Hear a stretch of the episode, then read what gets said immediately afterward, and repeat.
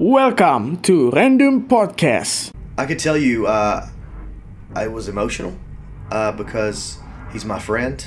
Um, uh, it was it was heartbreaking a little bit because this is the guy that's been here for so long and has shaped the WWE into what it is now, and he is everything or was everything to the WWE and I'm thankful that I had the opportunity to to meet him and uh, have a great conversation with him.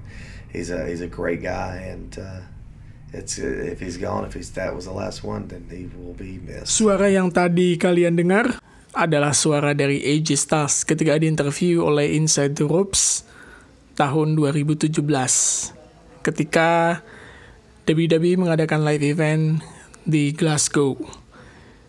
Di sesi event tersebut, AJ diwawancara. Dan salah satu pertanyaan yang harus dia tanggapi adalah tentang kekalahan Undertaker di WrestleMania 33 melawan Roman Reigns.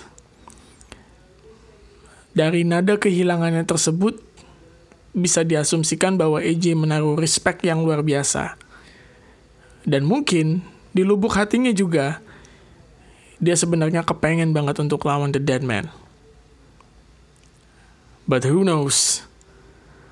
Kata-kata sedih yang ia ucapkan tiga tahun yang lalu bisa saja akan menjadi kenyataan bukan hanya untuk dia, tapi juga untuk seluruh wrestling fans di seluruh dunia. Ketika WrestleMania akan bergulir 5 April mendatang di Tampa, Florida. This is Random Podcasts.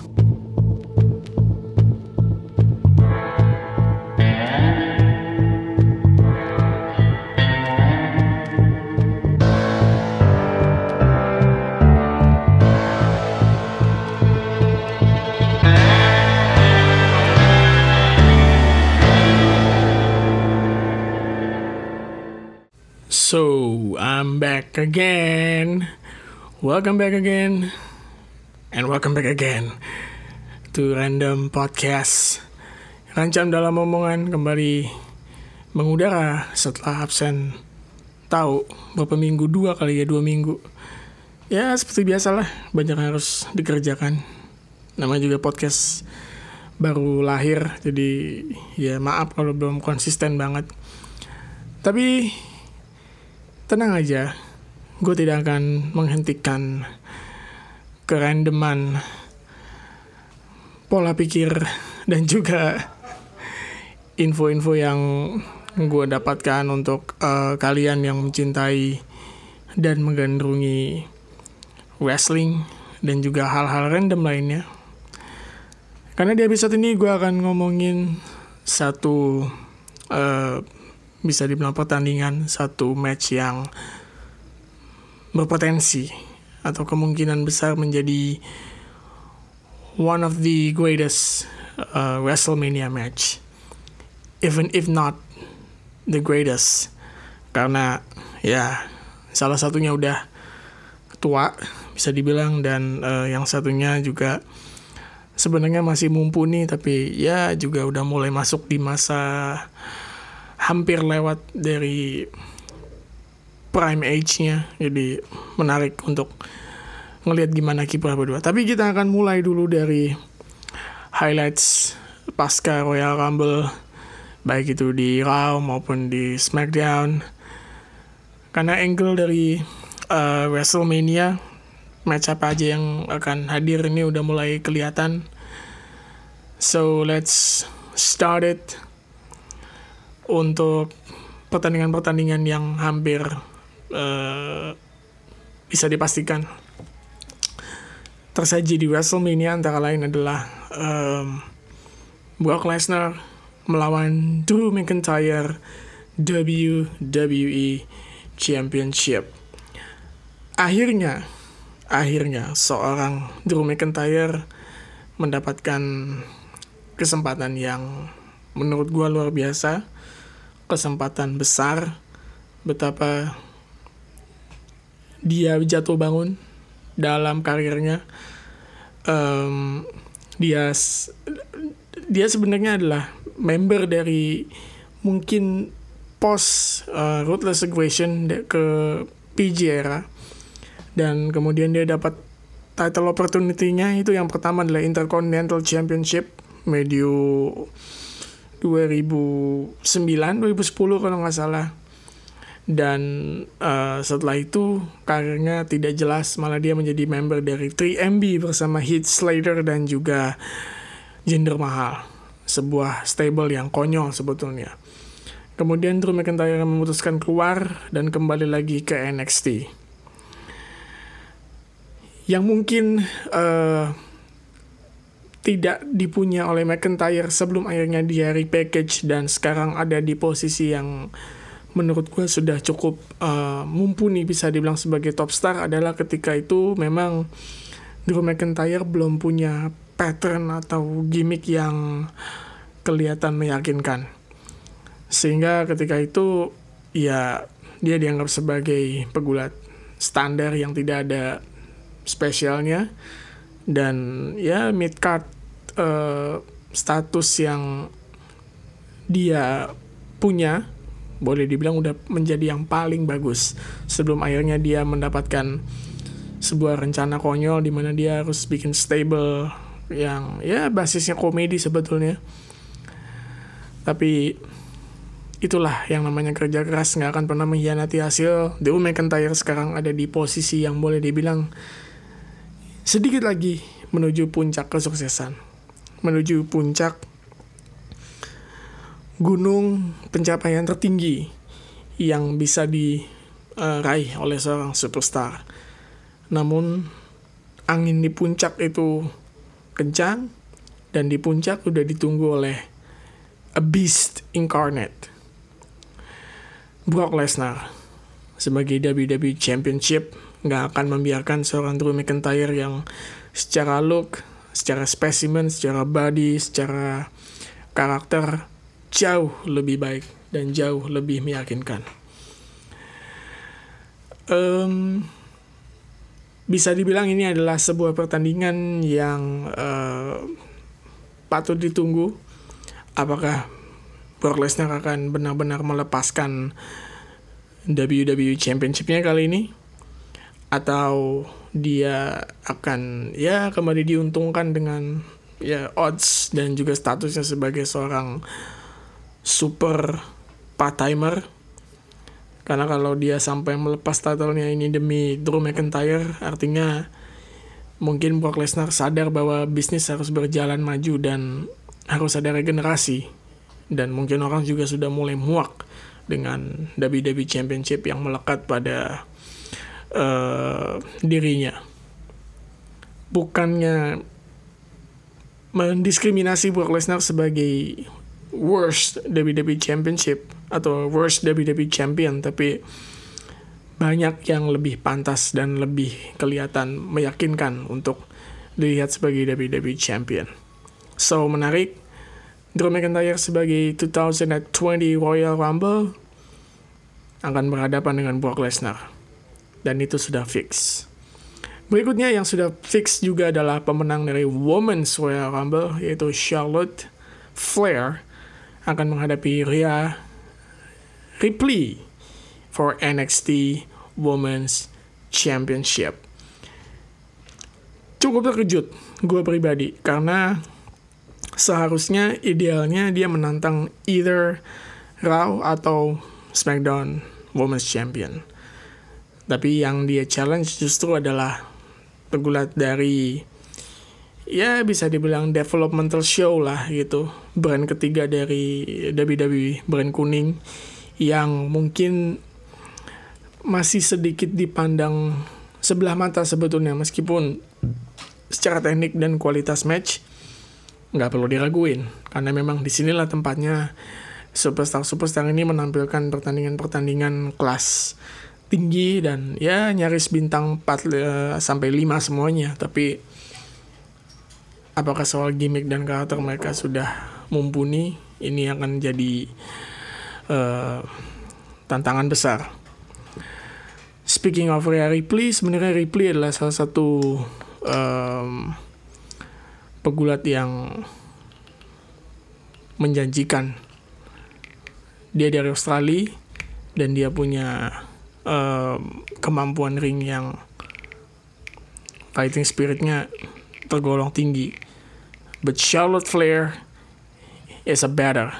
Charlotte Flair adalah ya you know lah dari NXT kemudian dia dipromosiin menuju WrestleMania 32 bersama Becky Lynch dan Sasha Banks meng-kick off revolusi kembali Women's Wrestler atau Women's Division dengan dikembalikannya Women's Championship oleh Hall of Famer Lita ketika itu. Dan sejak itu sampai terakhir Charlotte Flair menjadi salah satu women's wrestler yang bisa dibilang statusnya paling tinggi di antara pegulat wanita yang lainnya. Secara spesimen, secara fisik, secara strength, secara look, akan sangat menarik. Gue sih memanggilnya ini dua uh, dua monster uh, moments wrestler karena man tinggi banget nih orang berdua. Uh, mungkin ini 180 atau 190 jadi um, bener-bener gokil dan patut ditunggu. Spesimen keduanya juga sangat uh, boleh dibilang hampir berisan. Gaya ala brawler kemudian semi high flyer juga. Menarik untuk melihat apakah keduanya bisa uh, memberikan pertandingan yang diinginkan oleh fans. Apalagi ini membawa NXT Women's Championship yang boleh dibilang brand sebelah mata dan saat ini lagi berjuang keras karena beberapa minggu terakhir selalu kalah dibandingkan AEW Dynamite sebagai saingan uh, apple to apple dari NXT show secara keseluruhan. So itu tadi dua pertandingan yang sudah fix. Tapi masih ada lagi yang lebih menarik yaitu rumor. Antara lain Universal Championship antara The Fiend Bray Wyatt sebagai champion yang saat ini dirumorkan akan menghadapi Roman Reigns. I know. Lo mungkin bosen dan mungkin udah tahu patternnya arahnya ke mana. Karena Roman akan mengikuti Elimination Chamber bersama lima pegulat lainnya uh, ada King Corbin ada Shinsuke ada um, Robert Root juga di sana dan dua pegulat lainnya. Um, tapi rencana ini bisa batal. Seriously rencana ini bisa batal jika di Super Showdown besok kebetulan gue tapping ini beberapa hari sebelum Super Showdown di Arab Saudi nanti di hari Kamis waktu Amerika berarti mungkin minggu dini hari sampai minggu uh, subuh waktu Indonesia Super Showdown akan mempertemukan The Fiend Bray Wyatt melawan The Hall of Famer Goldberg. Kenapa gue bilang bisa berubah? Karena Goldberg berpotensi menang melawan The Fiend. Dan itu artinya kalau The Fiend sampai kalah dan kehilangan titlenya maka di WrestleMania 36 untuk Universal Championship Goldberg yang akan menjadi lawan dari Roman Reigns dan konsep pertandingannya udah pasti Spear versus Spear. Gua sih pribadi tidak terlalu tertarik dengan embel-embel Spear versus Spear atau uh, once of a lifetime atau apa pun itu untuk era-era sekarang gue udah gak begitu tertarik karena jujur aja The Fiend Bray Wyatt adalah project yang sangat bagus dan tentunya jangka panjang. Roman Reigns adalah top star yang beruntung bagi WWE dia bisa sembuh dan melawan penyakit leukemia-nya. Karena kalau sampai jangka panjang dan bahkan harus pensiun dini maka gak tahu mungkin nasib WWE sekarang kayak gimana dengan superstar-superstar lainnya yang belum bisa secerah uh, aura kebintangan dan sinarnya mengalahkan Roman Reigns. Jadi ada dua kemungkinan, apakah The Fiend Bray Wyatt melawan Roman Reigns atau Goldberg melawan Roman Reigns untuk Universal Championship. Artinya posisi Roman Reigns sudah hampir 100% ada di spot untuk Universal Championship.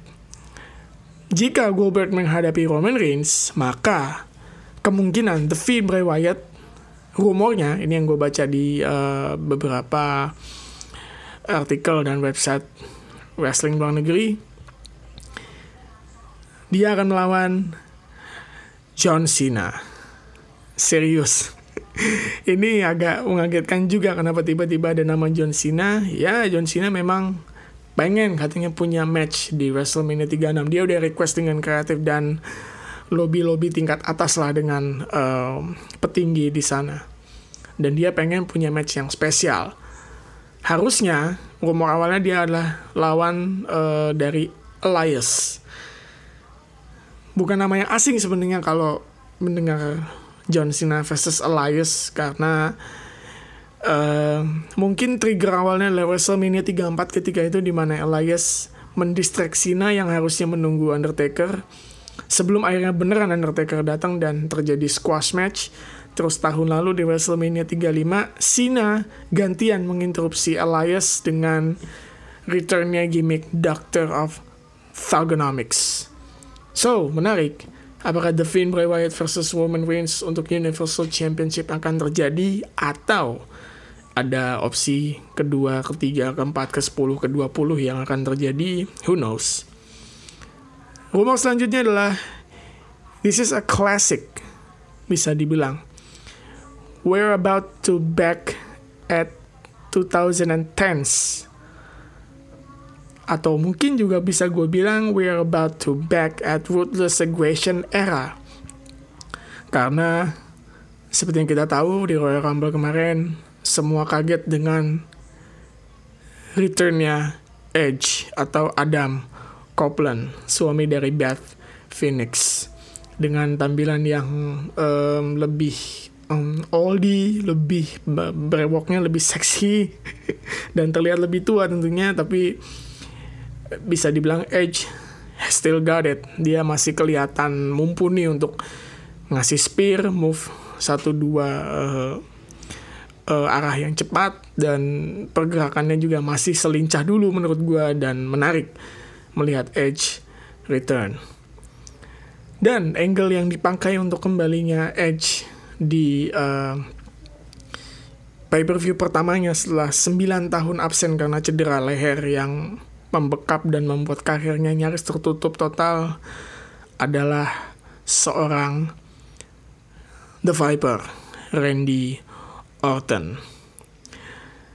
So, kalau kalian ngikutin WWE dari lama, dan khususnya kalian ngikutin dari zaman 2006, 2007 mungkin, kalian mungkin kenal dengan sebuah tag team namanya Rated RKO. Ini adalah tag team yang berisi dua orang tadi, yaitu Edge dan juga Randy Orton. Dan angle ini dipakai lagi di tahun 2020 karena memang rencananya Edge akan kembali ke WrestleMania pertamanya setelah WrestleMania 27 di tahun 2011. Kala itu menjadi pembuka untuk World Heavyweight Championship menghadapi Alberto Del Rio Edge akan kembali di tahun 2020 menghadapi Randy Orton. Dan kemarin di Raw After Royal Rumble, mungkin bisa dibilang sebagai trigger utamanya adalah Randy Orton tiba-tiba stab from the back atau stabbing from the back seorang Edge dan dia menghajar Edge di bagian kepala.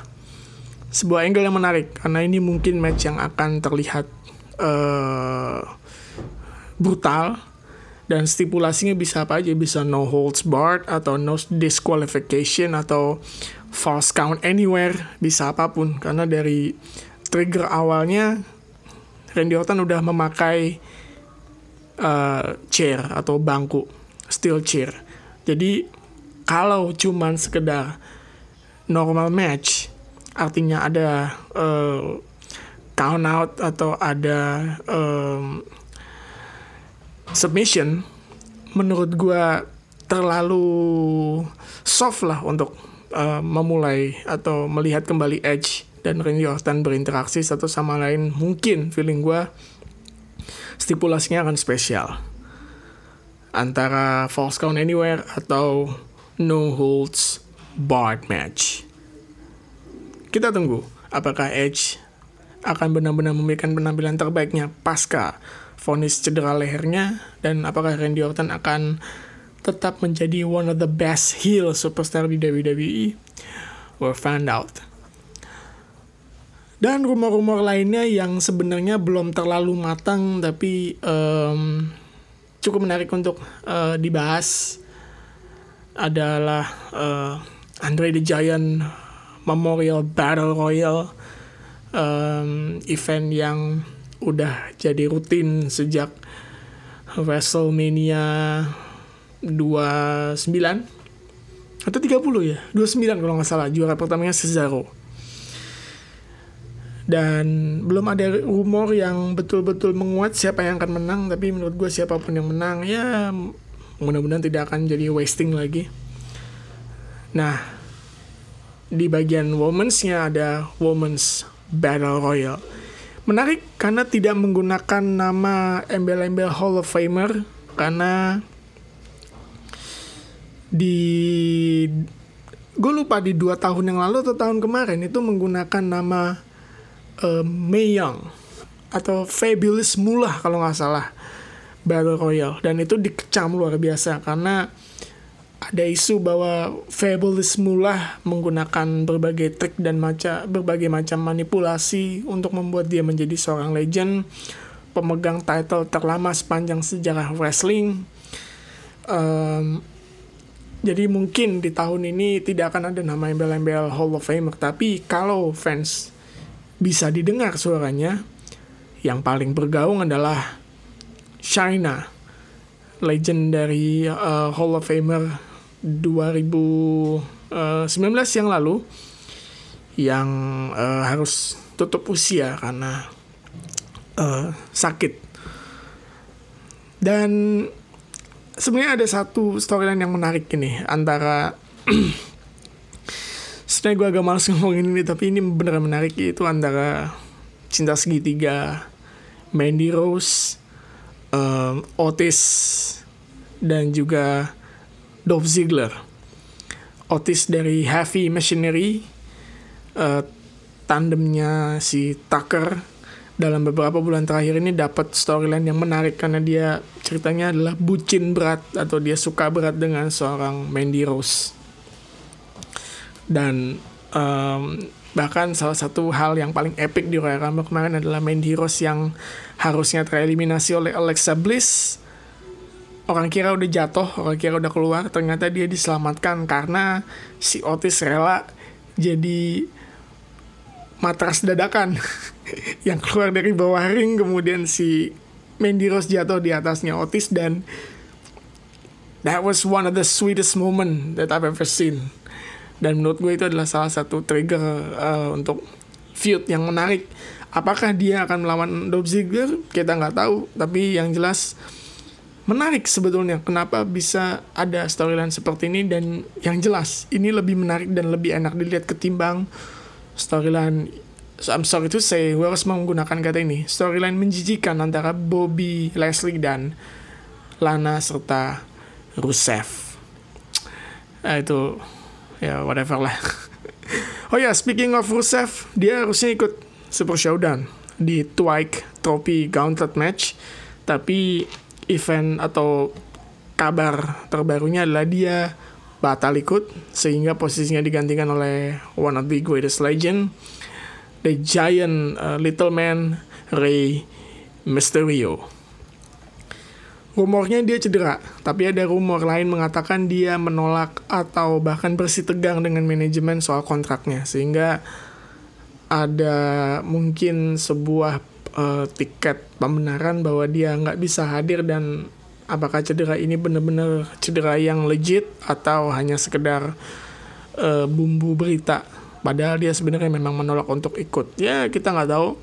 Selain itu juga Samoa Joe yang menurut gue ini adalah one of the underrated superstar juga ternyata juga tidak bisa tampil di Super Showdown karena dia dihukum 30 hari karena um, uh, policy dari tes kesehatan di WWE.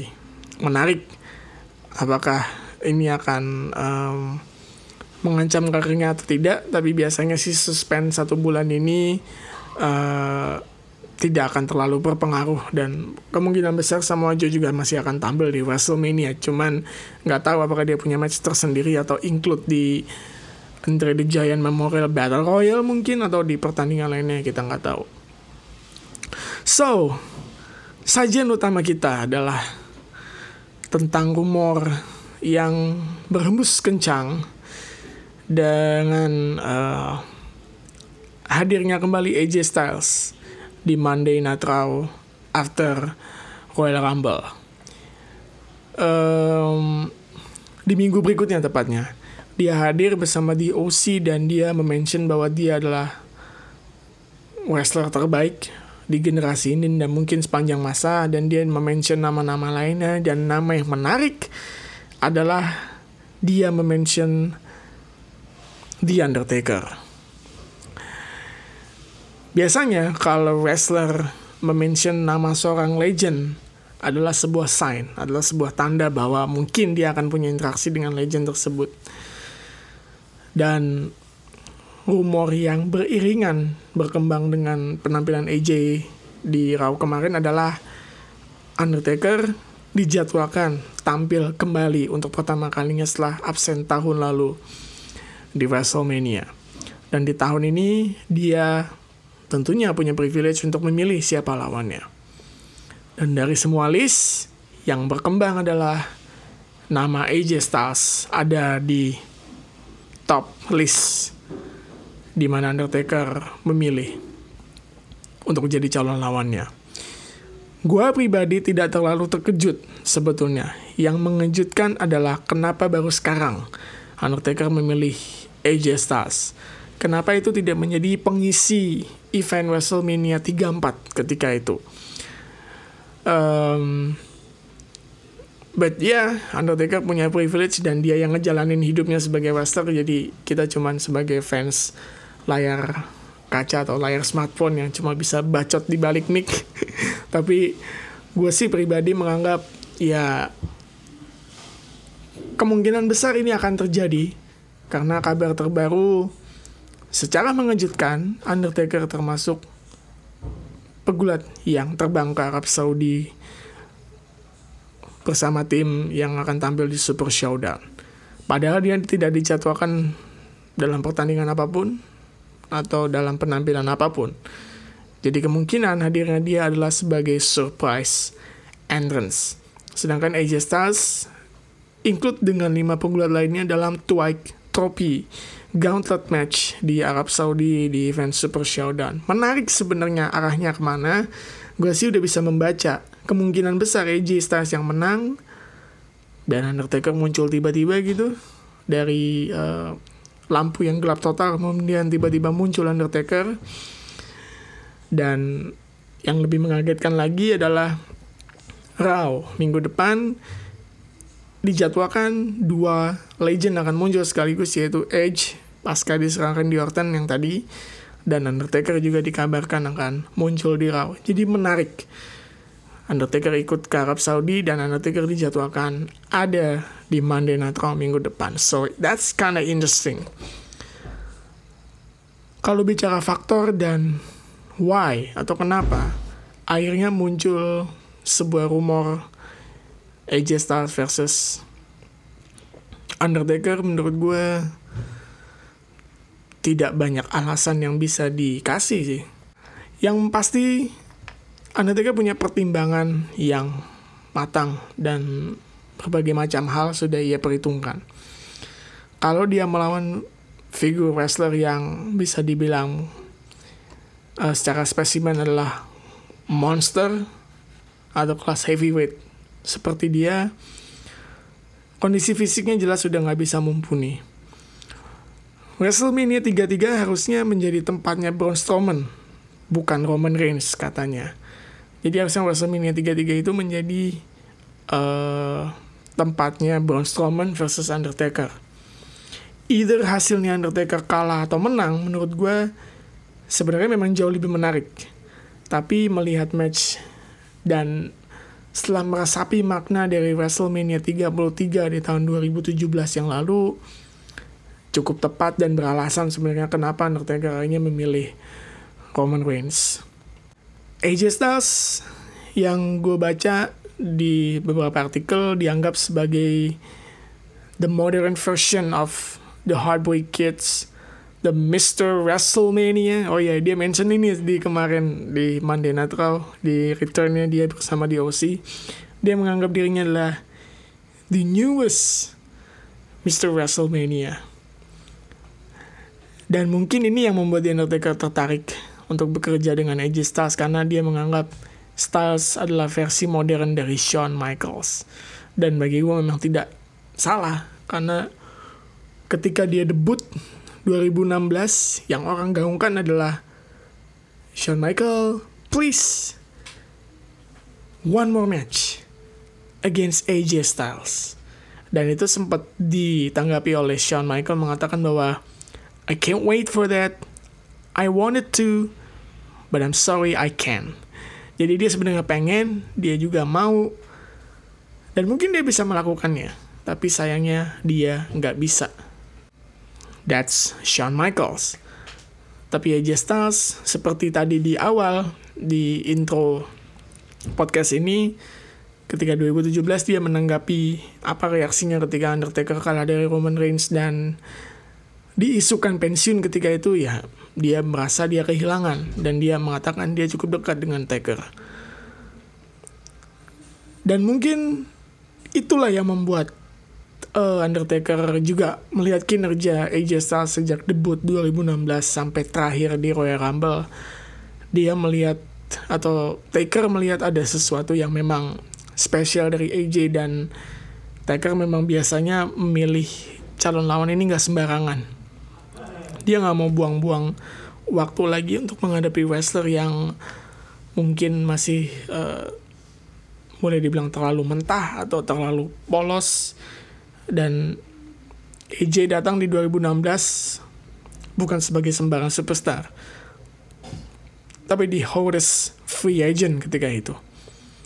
Jadi mungkin alasan inilah yang membuat Taker kemudian memantapkan pilihannya pada AJ Styles dan mungkin ini juga bisa menjadi uh, pangkal dari berbagai angle yang kemungkinan bisa terjadi. Bisa jadi faktor untuk angle memulai pensiunnya atau mungkin faktor untuk membuat AJ Styles ya tentunya semakin terpupuk reputasinya sebagai top star.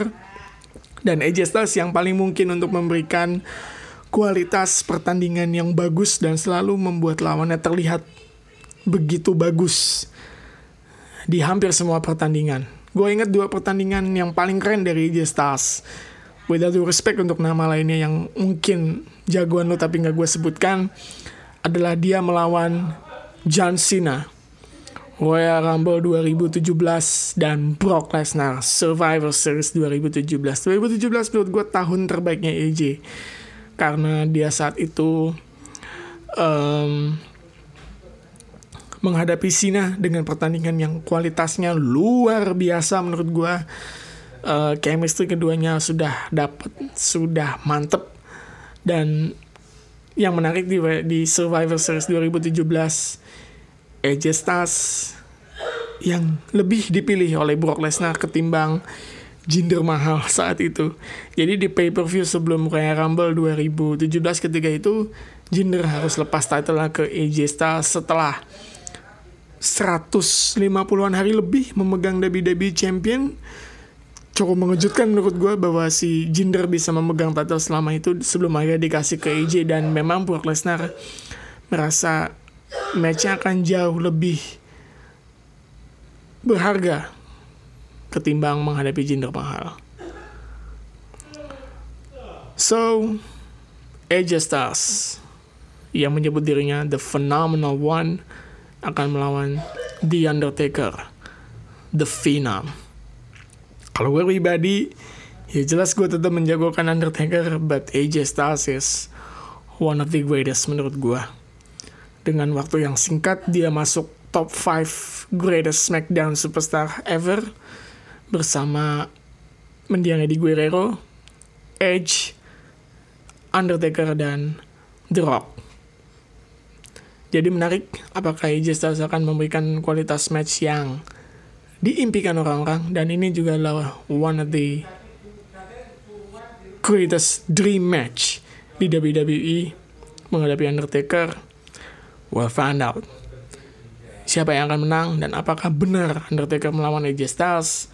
Tunggu di episode minggu depan dan pokoknya podcast-podcast selanjutnya sampai tanggal 5 April nanti akan spesial karena ini adalah special edition for WrestleMania 36. So setelah ini ada topik lainnya yang tidak kalah random. Stay tune.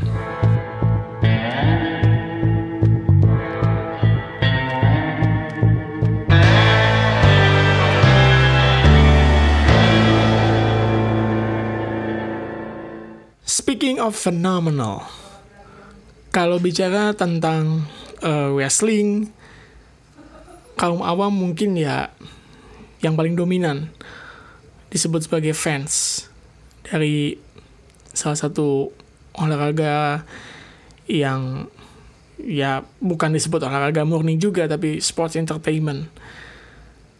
Tapi yang menarik adalah public figure tokoh atau bahkan artis yang um, namanya fenomenal di seluruh dunia, termasuk di Indonesia, dan mereka cukup ikonik dan terlibat cukup dalam di WWE.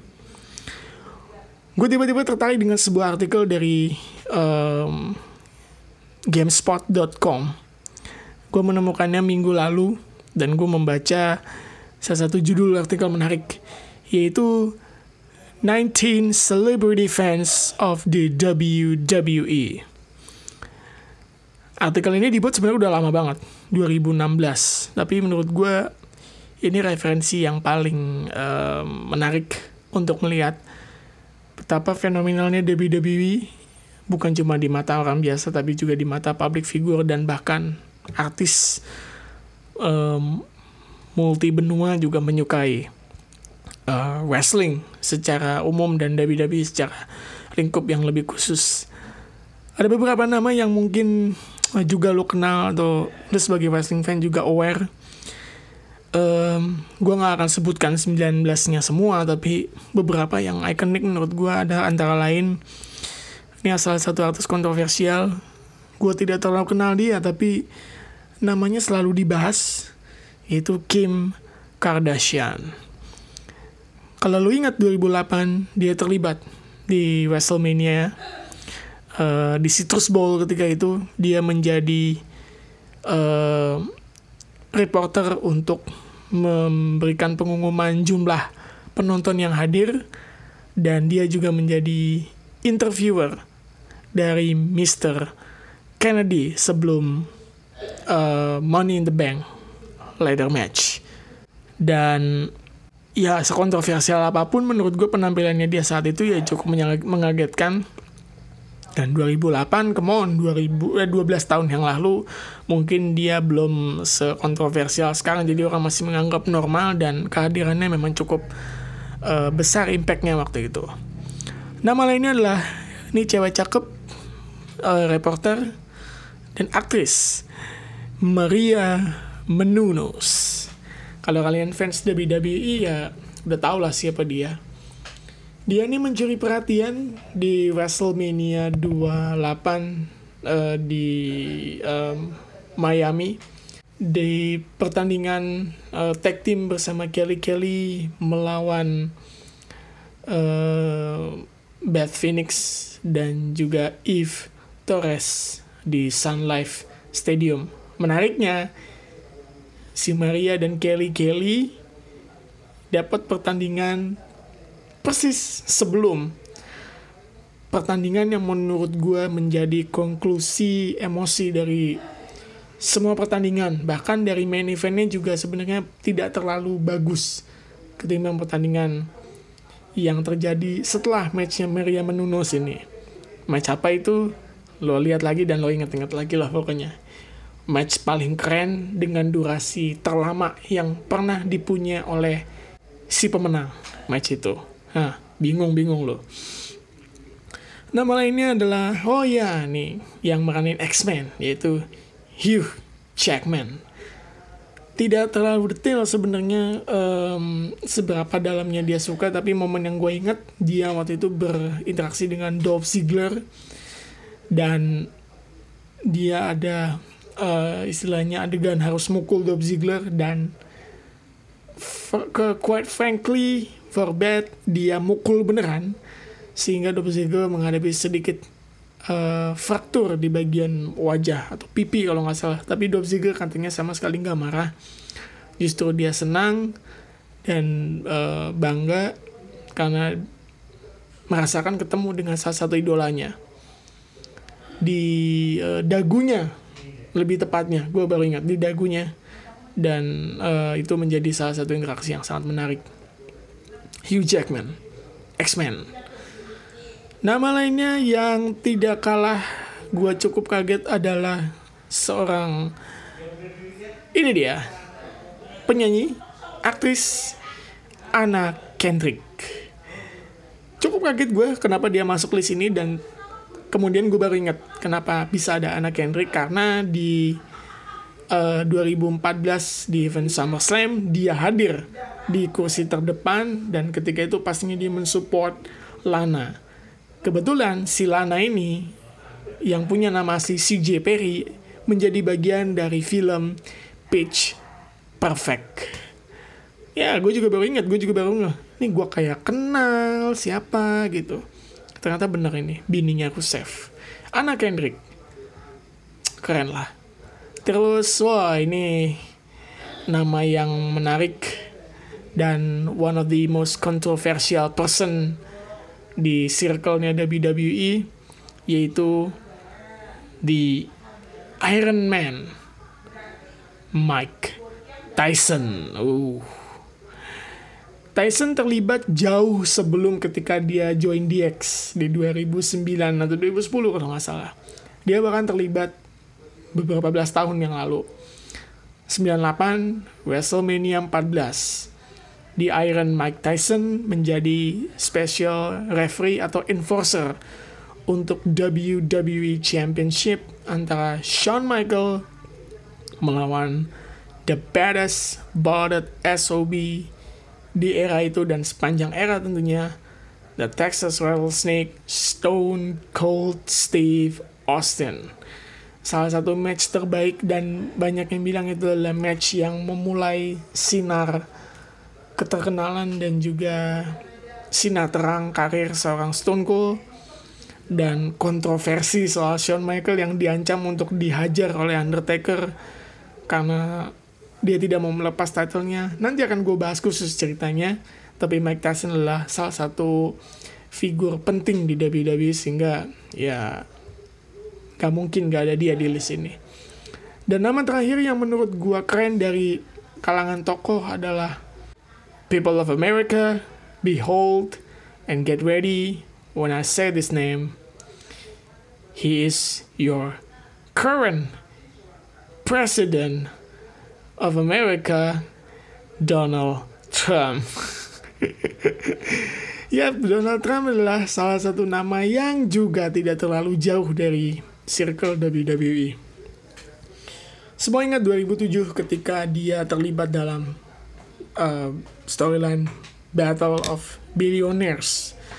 Dia ketika itu menyewa dan tanda kutip menyewa Bobby Leslie, sedangkan McMahon menjagokan The Late Great Umaga yang masih satu darah dengan Roman Reigns dan juga di Usos.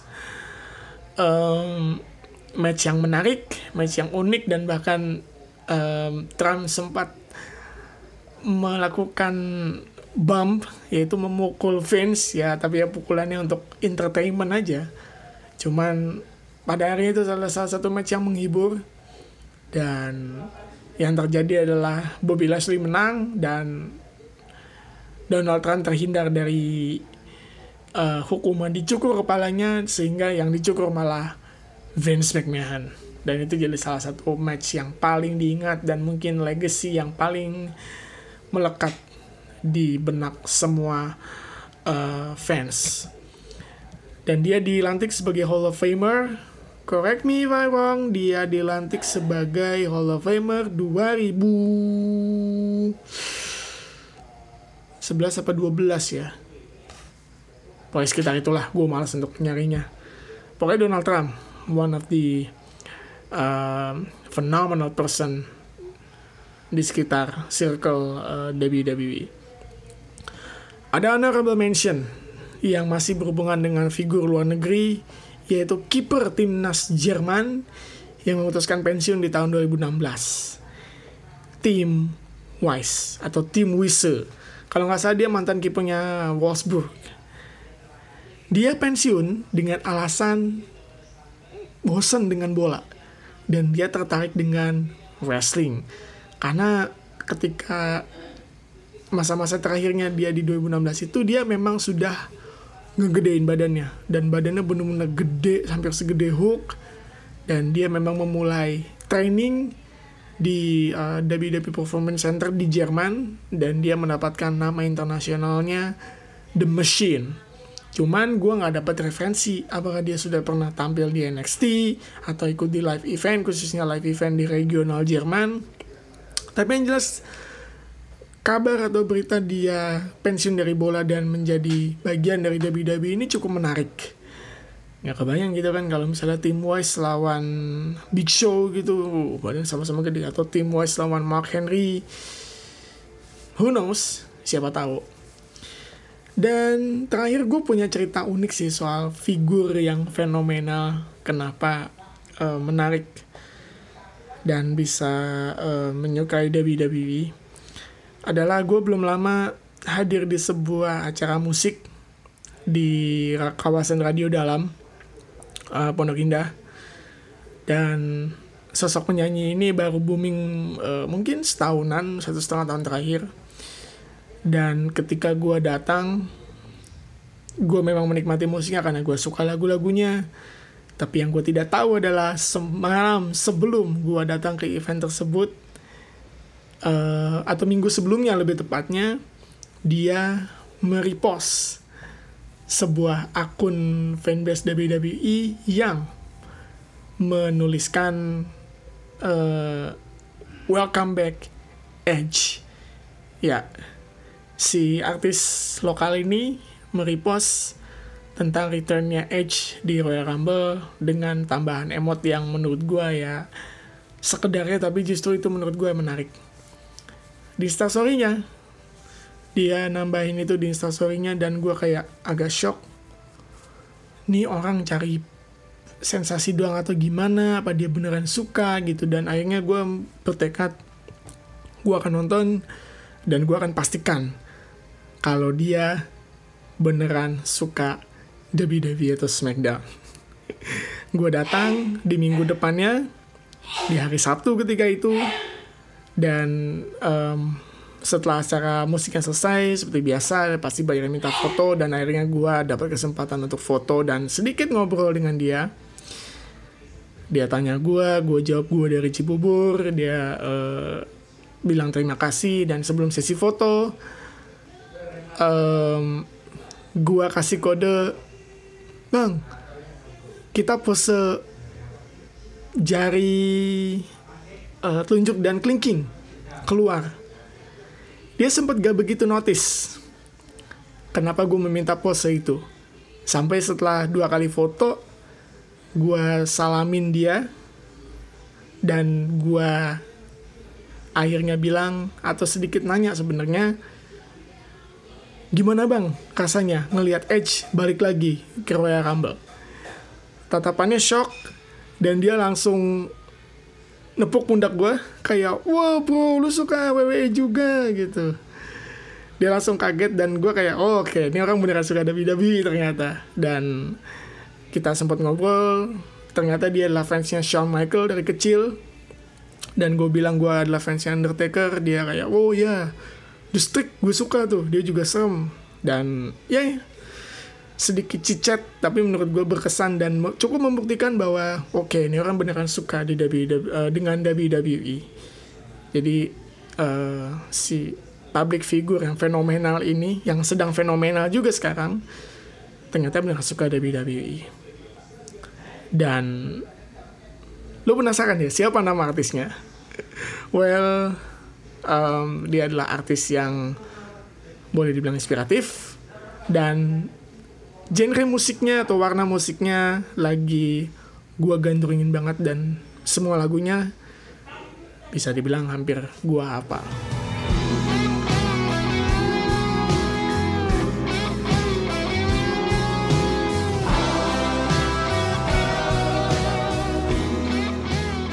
Ya, silahkan tebak sendiri siapa artis lokal yang gue maksud. so, sekian dari gue untuk random podcast ini. Udah lama banget, udah mau hampir 50 menit, 1 jam. So, thank you. Thanks for listening. Gue janji akan terus uh, ngupdate informasi menuju Elimination Chamber sebelum nanti 5 April WrestleMania Edition. Ini juga udah mulai masuk spesial uh, Road to WrestleMania. Jadi, stay tune terus jangan lupa untuk um, dengarkan um, podcast-podcast episode yang sebelumnya. Dan terima kasih untuk support baik itu listening atau bahkan juga follow. Terima kasih sekali lagi untuk atensi dan perhatiannya. Gua Chris. See you next time. And this is Rancam Dalam Omongan. Random Podcast